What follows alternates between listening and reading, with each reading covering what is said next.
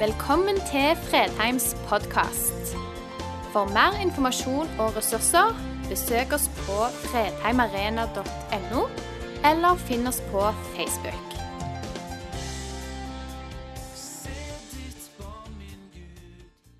I dag skal dere få blytung teologi. De tekstene var blytunge i teologien. Bare de går i så fin musikkdrakt. Så nå må jo jeg prøve å finne en fin tone i min forkynnelse. For det vi skal forkynne, det er skikkelig sentrale bibelske ting. Vi har en temaserie om Jesus, hvem han er. Og I dag, både i formiddag og nå, så handler det om at Jesus er Frelseren. Med stor F og store bokstaver. Ingen over, ingen ved siden. Ser dere Aftenblad? La dere merke til en sau i Aftenbladet. Jeg tror det var forrige uke. Med et merkelig spørsmål. Hvor lenge varer en synd? Hvor lang tid tar det før en synd blir glemt og tilgitt i Stavanger? De er litt verre i Stavanger enn i Sandnes. Skal vi ikke innrømme at 125 år er nok, selv for den mektigste personen i byens historie? Lars Oftedal. Han skapte ting i Stavanger som verken har skjedd før eller siden. Tusener av mennesker ble kristne.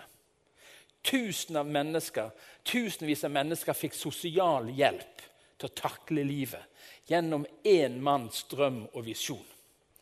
Så dreiv han og kludra med et eller annet litt ute i livet sitt. Eh, så han gikk fram på kirketrappen i Petri-kirken og bekjente at han hadde gjort synd. Og Det fins ingen statue av Lars Oftedal i Stavanger. Han er den største personligheten i Stavangers bys historie. Men han trøbler med noe. Hvor lenge varer en synd? Jeg syns det er spennende å lese Stavanger Aftenblad, som ble starta av Lars Oftedal. bare så dere vet Det Det var han som grunnla den avisen. At i 125 år så har han ikke klart å tilgi han ennå. Det er liksom sånn at post mortem så trenger Lars Oftedal en frelser. Noen som tilgir. Hvor lenge varer en synd? Det skriver Stavanger Aftenblad om. Hvor lenge varer en synd? Jesus stilte et spørsmål til de som fulgte han. Hvem sier dere at jeg er? Og Nå har Rudi han har sagt noe om hvem Jesus er for han. Hva, hva er et vitnesbyrd? Og nå, nå bare forbereder dere på noe. Jeg hadde aldri trodd jeg skulle bli en sånn predikant som jeg er blitt. Sånn en gammeldags predikant som sier at alt var bedre før. Jeg bestemte meg for det når jeg begynte som predikant som 20-åring. Du skal aldri bli sånn som de gamle predikantene som sa at alt var bedre før. Men vet du hva? I dag skal jeg si det er noe jeg savner av og til når folk blir spurt hvem Jesus er. Jesus er bestebuddies. Det er jo litt kult. Meg og Jesus. Halloi! Bestebuddies. Problemløser. En jeg kan gå, med, gå til med alle ting.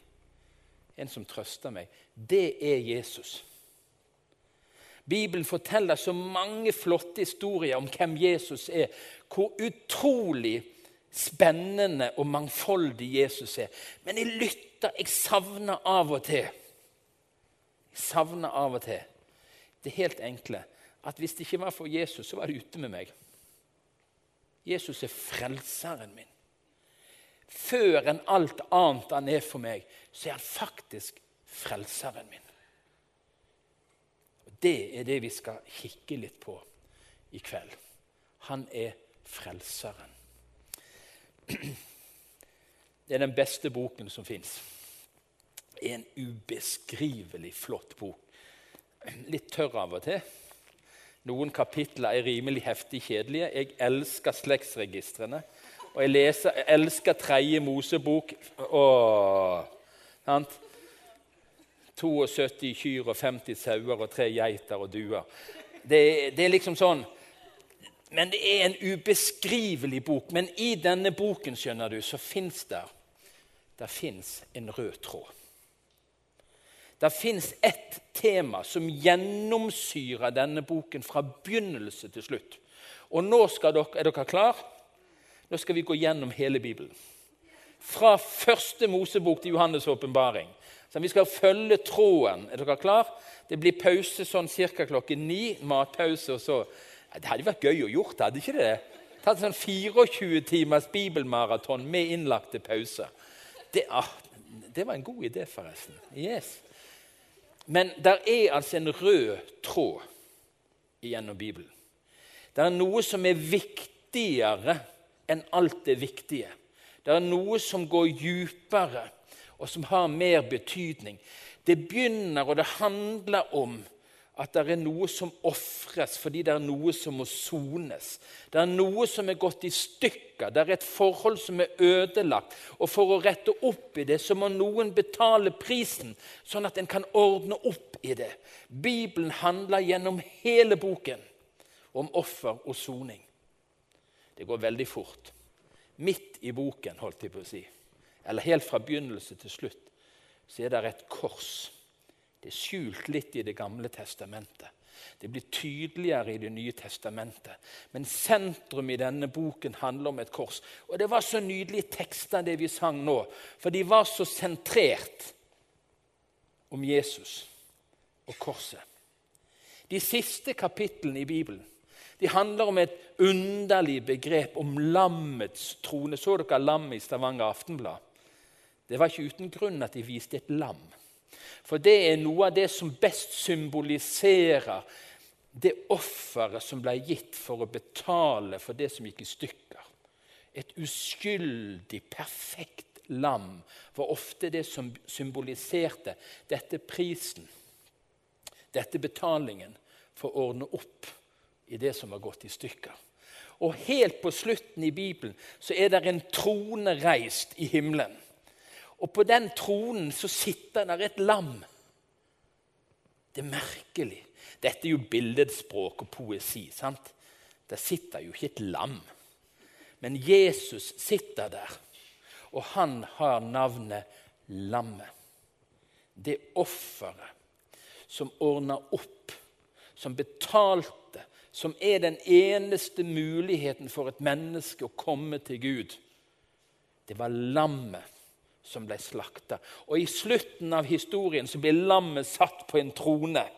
Det ble knust, men det seira. Lammet vant. Det, det, det, er en bra bok. Skal vi bare begynne å lese? Det tar 72 timer tror jeg, hvis du leser i strekk. Nei, vi gjør ikke det. Da kalte Moses sammen alle eldste i Israel og sa til dem Utgangen av Egypt, de har vært slaver i 400 år i Egypt. Gå og hent småfe til familiene deres og slakt påskelammet. Det er et sånt utrolig viktig begrep i Bibelen. Påskelammet.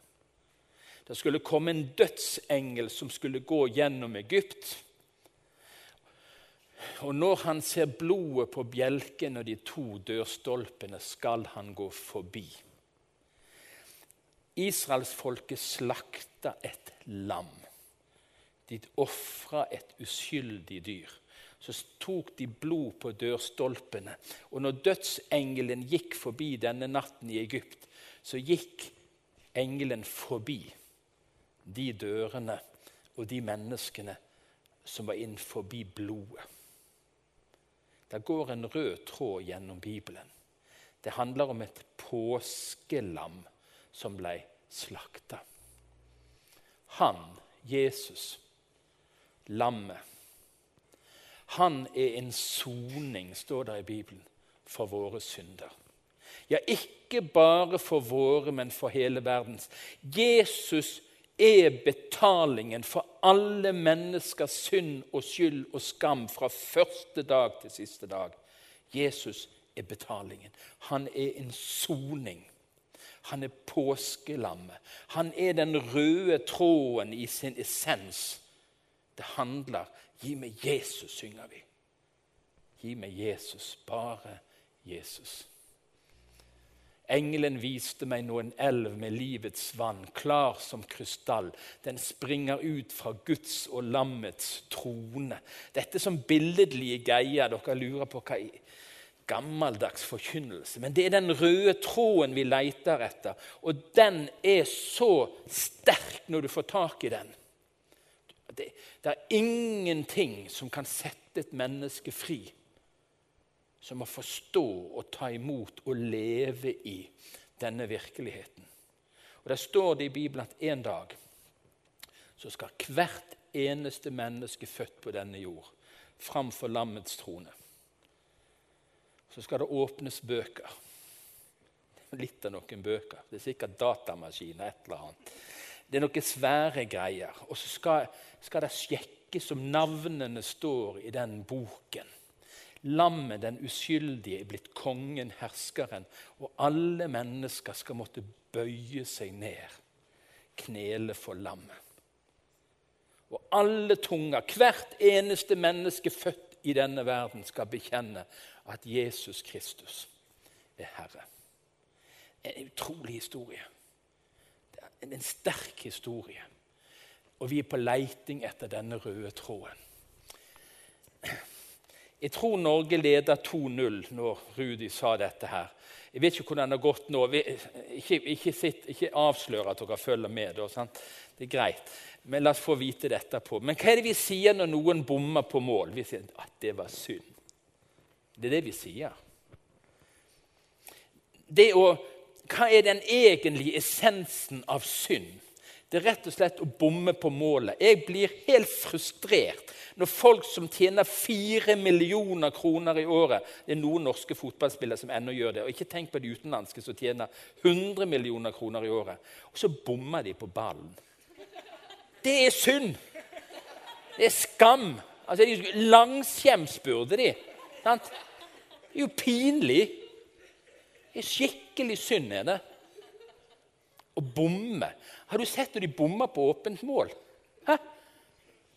Alle vi tenker det skulle jeg ha fått til. Og jeg trengte ikke hatt betaling for det engang. Jeg hadde tenkt å sende et brev til han der Floen som satt på benken i Chelsea noen år og tjente ni millioner. At jeg kunne sitte der for en halv million i året, og så slapp han å møte opp. Han, det er jo synd. Og det, det, hjelper oss å fatte hva, dette hele, hva det handler om synd vi, vi, kan snakke om så mange detaljer, men det er egentlig å bomme på målet. Og da sier vi alle sammen det var synd. sant? Det det er.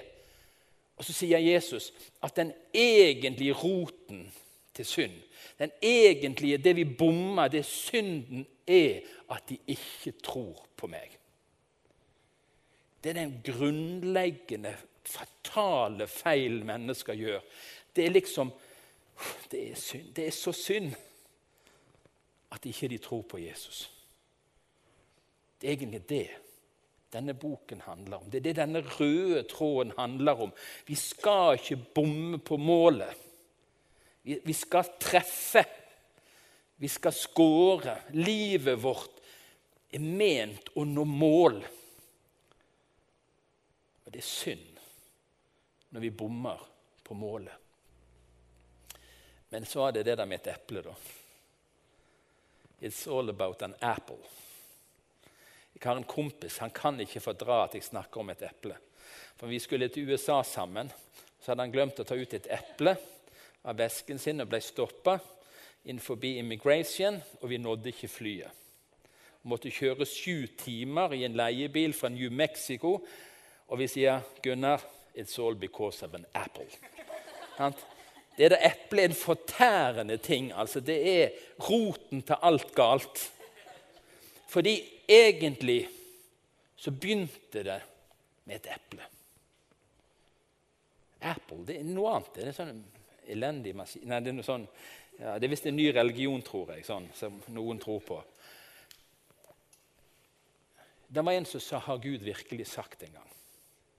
Har Gud virkelig sagt? de spørsmålene det er de som undergraver troen på Jesus. Det gjør at mennesker bommer på målet. Så tok de et eple i den tro at spiser vi av livets tre, så skal vi leve evig. Men da spiste de døden. Og siden den dagen så har synd ikke bare vært at vi ikke tror. Men hva skjer i Europa nå hver eneste dag? Der begås synd mot fattige, uskyldige mennesker. De blir misbrukt og utnytta til fingerspissene. Det gjøres synd. Og vi som viser det en kald skulder, står i fare for å gjøre den samme synd. Synden lever i relasjonene våre, i fellesskapene våre, i tankene våre. Vi hadde en nydelig seanse her i formiddag når 32 konfirmanter sto og sa sang høyt 'Jeg skal aldri' Hva var det? 'Tenke på trøbbel igjen'. En sånn sang, skikkelig sånn hilly-billy Texas-musikk. 'Skal aldri tenke på trøbbel igjen'. Du, de, de laug jo alle, mann. Sant? For det er jo klart at de kommer til å tenke på trøbbel igjen.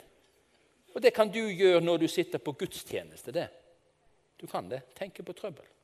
Tankene dine kan være et helt annet sted. Du skjønner, synden, det der eplet, det bitet der, det skader det indre i oss på en sånn måte at vi blir forfulgt av det. Vi bommer på målet. Det er i grunnen ute med oss. Vi trodde vi skulle leve evig, og vi smakte egentlig på døden. Men hva er egentlig problemet? da? Hvorfor er det sånn? Hva er egentlig problemet? Altså, Hvorfor kunne ikke vi bare spise epler? Hva er det så farlig med at vi lyger litt og bedrar litt og smindrer litt på skatten? Og, altså, hva, hva, er egentlig problemet? Hva er så gale med det? I et lite sånn bilde så tenkte jeg Moses han skulle få et møte med Gud. Føre israelsfolket ut av slaveriet. Og så er det Gud som møter han i en tornebusk som brenner. Eh, og Jeg har vært på det stedet det en tror historisk sett dette skjedde. Og Der er det en busk som vokser to steder i verden. Bare to steder i verden vokser den busken. Den ene busken vokser der, i et kloster i Sinaiørkenen. Gud sa 'kom ikke nærmere'. Ta skoene av føttene, for stedet du står på, er hellig grunn. Problemet, vet du hva det er? Problemet er at menneske kan ikke se Gud, nærme seg Gud, være i Guds nærhet og leve. Det er det som er problemet. Ditt problem er ikke det du tror er ditt problem. Vårt egentlige problem er Gud. Gud er en hellig Gud. En fortærende ild, står der i Bibelen. Han en Gud som ikke tåler urenhet i sin nærhet. Derfor måtte lammene som ble slakta, være helt uten en eneste feil eller flekk. Ellers var ikke de gode nok som offer. Et menneske tåler ikke å se den hellige Gud nakent. Vi trenger noe imellom. Det må komme noe imellom. Hvis ikke så er vi ute ute. Det er ute med oss. Profeten Jesajas, en av de største profetene i Det gamle testamentet, han sier, 'Ved meg'. Det er ute med meg. For jeg har sett den hellige Gud. Hva er problemet? Gud er problemet.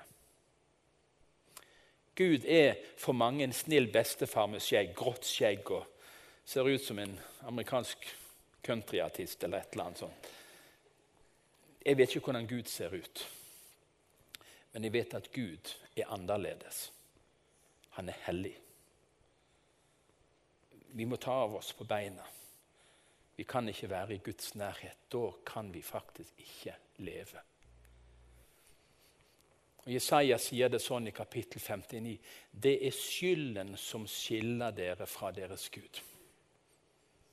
Det er synden vår som skiller oss fra vår Gud. Det skjuler ansiktet hans, så han ikke kan høre oss. Der er kommet noe imellom som gjør at vi ikke kan møte den levende Gud. Hva er løsningen? Vi trenger en frelser, folkens. Vi trenger en mellommann. Vi trenger en som går imellom. Vi trenger en som ordner opp. Vi trenger et påskelam. Vi trenger en uskyldig. Vi trenger en perfekt. Som kommer inn i denne ligningen og gjør at den går opp. Romerbrevet kapittel 3, og det er et nydelig avsnitt, men ufortjent. Av Hans nåde blir de kjent rettferdige. Frikjøpt i Kristus Jesus. Ham har Gud stilt synlig fram for at han ved sitt blod skulle være soningsstedet for dem som tror. Ufortjent, gratis, helt uten at du kan gjøre noe som helst for at Gud skal elske deg mer. Det nytter ikke samme hva du gjør, hvor mye du ber og hvor mye du ofrer. Gud blir ikke mer glad i deg. Det er helt ufortjent av Hans nåde. Det er det det handler om. Blir de kjent rettferdige? Det foregår en dom hvor de som er skyldige, får vite det har skjedd et eller annet. Du går fri. Du som skulle vært dømt til døden for alt det du har gjort, du slipper fri. Det skjer en domsbeslutning i himmelen som sier denne gjengen av syndere de slipper unna. Fordi det var en som kjøpte og betalte den prisen. Det var en som gikk inn i mellom oss og Gud og sa, 'Gud, jeg kjøper de fri.' jeg betaler. Det er noen fantastiske historier fra Amerika på 1700-1800-tallet, når disse slavene kom med skip, halvdøde, og mange av de overlevde ikke reisen over fra Afrika. Hvor det var noen kristne mennesker som gikk og kjøpte slaver og satte de fri. Du er fri. De forsto ikke hva det var engang.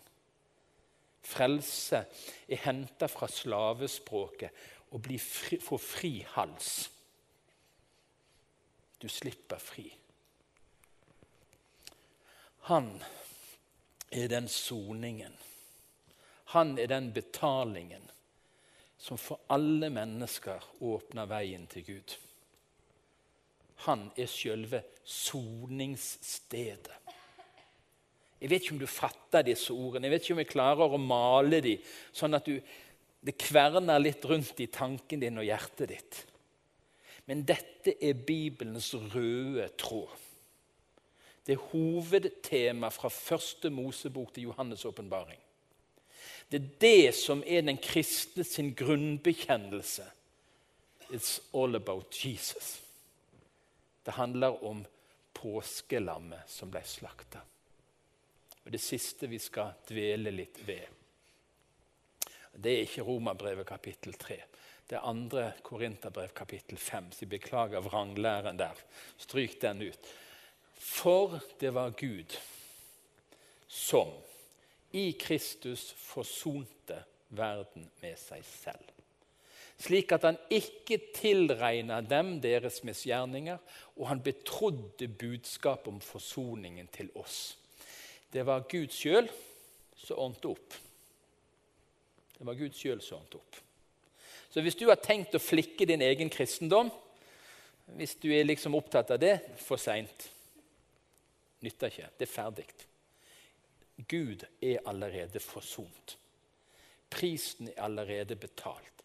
Det er ikke ett eneste menneske som lever på denne jorden, som trenger å gjøre noe for å kjøpe seg fri. Prisen er betalt. Gud er forsont. Gud er fornøyd. Han bare venter at folk skal komme og si Gud, her kommer jeg. Jeg vet jeg kan ikke være i din nærhet, men jeg har Jesus med meg her. Og nå setter jeg han mellom meg og deg, og da er det gode greier. Så enkelt er det. Jeg tar Jesus med meg. Han er soningsstedet. Og Gud er fornøyd med det Jesus gjorde så blir vi altså Alt er galne. Skal vi ta en liten opprekning på hvor mange synder vi har gjort de siste uken? Skal aldri tenke på trøbbel igjen. Det hadde vært deilig. Gutter, hvem av dere har tenkt noe dere ikke burde tenkt om en jente den siste uken? Jenter, hvem av dere har vært litt misunnelig på en dere ikke burde være med? Altså, skal vi begynne på noen sånne ting? Skal vi ta en liten krysskjema? Hvor lenge varer det før arket blir fullt? En uke? En dag? En noen trenger, det er noen hellige de trenger kanskje en måned. Sant? Noen fyller arket på bare noen minutter. Det bare raser i stykker. Alt det som du skriver opp der som du har tenkt og sagt og gjort som er galt, det blir du ikke tilregna lenger. Det har Jesus gjort opp for. Han har strøket over det, satt kryss over det. Vet du hva, Hadde det vært en pinsevenn her, så hadde de sagt et halvt halleluja. det er jeg sikker på. Hæ? For det, det, er jo helt radikalt at vi skal slippe å regne med vår egen synd, for Jesus har betalt for den. Og så kommer der en setning til slutt. Og han betrodde budskapet om forsoning til oss. Det er det vi holder på med her. Vi er ikke i fordømmelsens tjeneste. Vi er ikke i pekefingerens tjeneste. Vi er i forsoningens tjeneste. Vi har fått betrodd et budskap.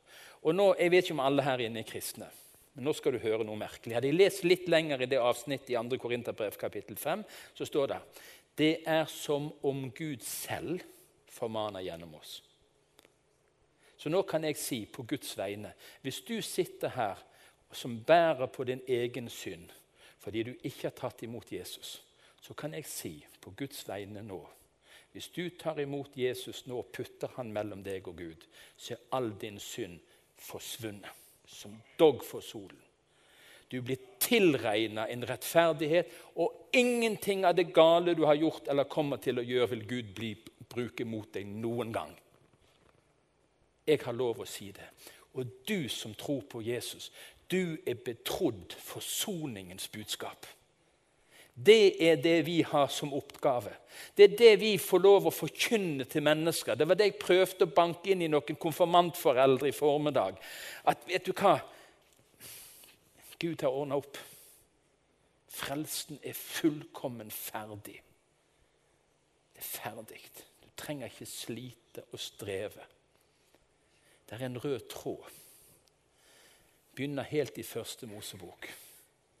Og den går inn i Johannes' åpenbaring, inn i himmelen. Og når jeg var gutt, så var jeg, gikk jeg i en forsamling som hadde noe som het høstmøter. Da var det mye folk. Stinnbrakk. Og vi hadde plass til så 800-900 mennesker i, i bedehuset vårt. Da var det mye folk. Og hver gang jeg vet jo ikke, jeg bare føler det var sånn, så var det en gammel fyr som bare stemte i en sang på slutten. Når vi har vært sammen torsdag, fredag, lørdag og søndag, så stemte han i et vers som liksom bare sånn løfta hele denne forsamlingen. Og Vet du hvordan det verset var? Det er gresk for det, kanskje, men det var sånn Lammet. Ja, lammet. Dets vunder og sår. Æren og prisen i evighet får. Og da reiste alle seg. Og så var det lovsang. Så har vi fått et glimt av Guds lam, påskelammet som ble slakta for oss. Og I himmelen så står det at vi skal synge lammets nye sang. står det. Vi skal synge 'Verdig er lammet som ble slakta'. Og vet du hva, Jeg har lyst til at du skal lære den sangen nå. Ikke den der 'lammet, ja, lammet'. Men altså, Jeg har lyst til at du skal ta til deg og lære den sangen om lammet. Offeret. Om Jesus. Som betalte for dine synder.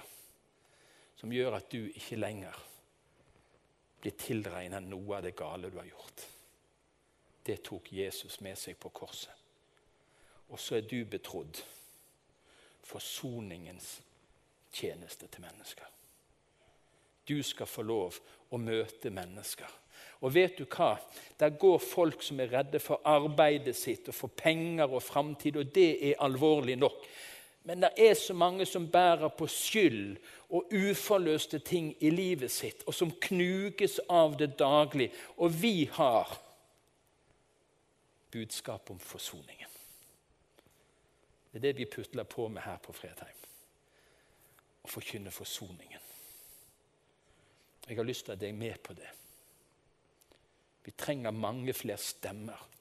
Vi trenger mange flere representanter som representerer Jesus og sier at Gud er fornøyd med det Jesus har gjort. Du kan ta Jesus med deg, putt han imellom deg og Gud, så er det i orden. Det er gode greier.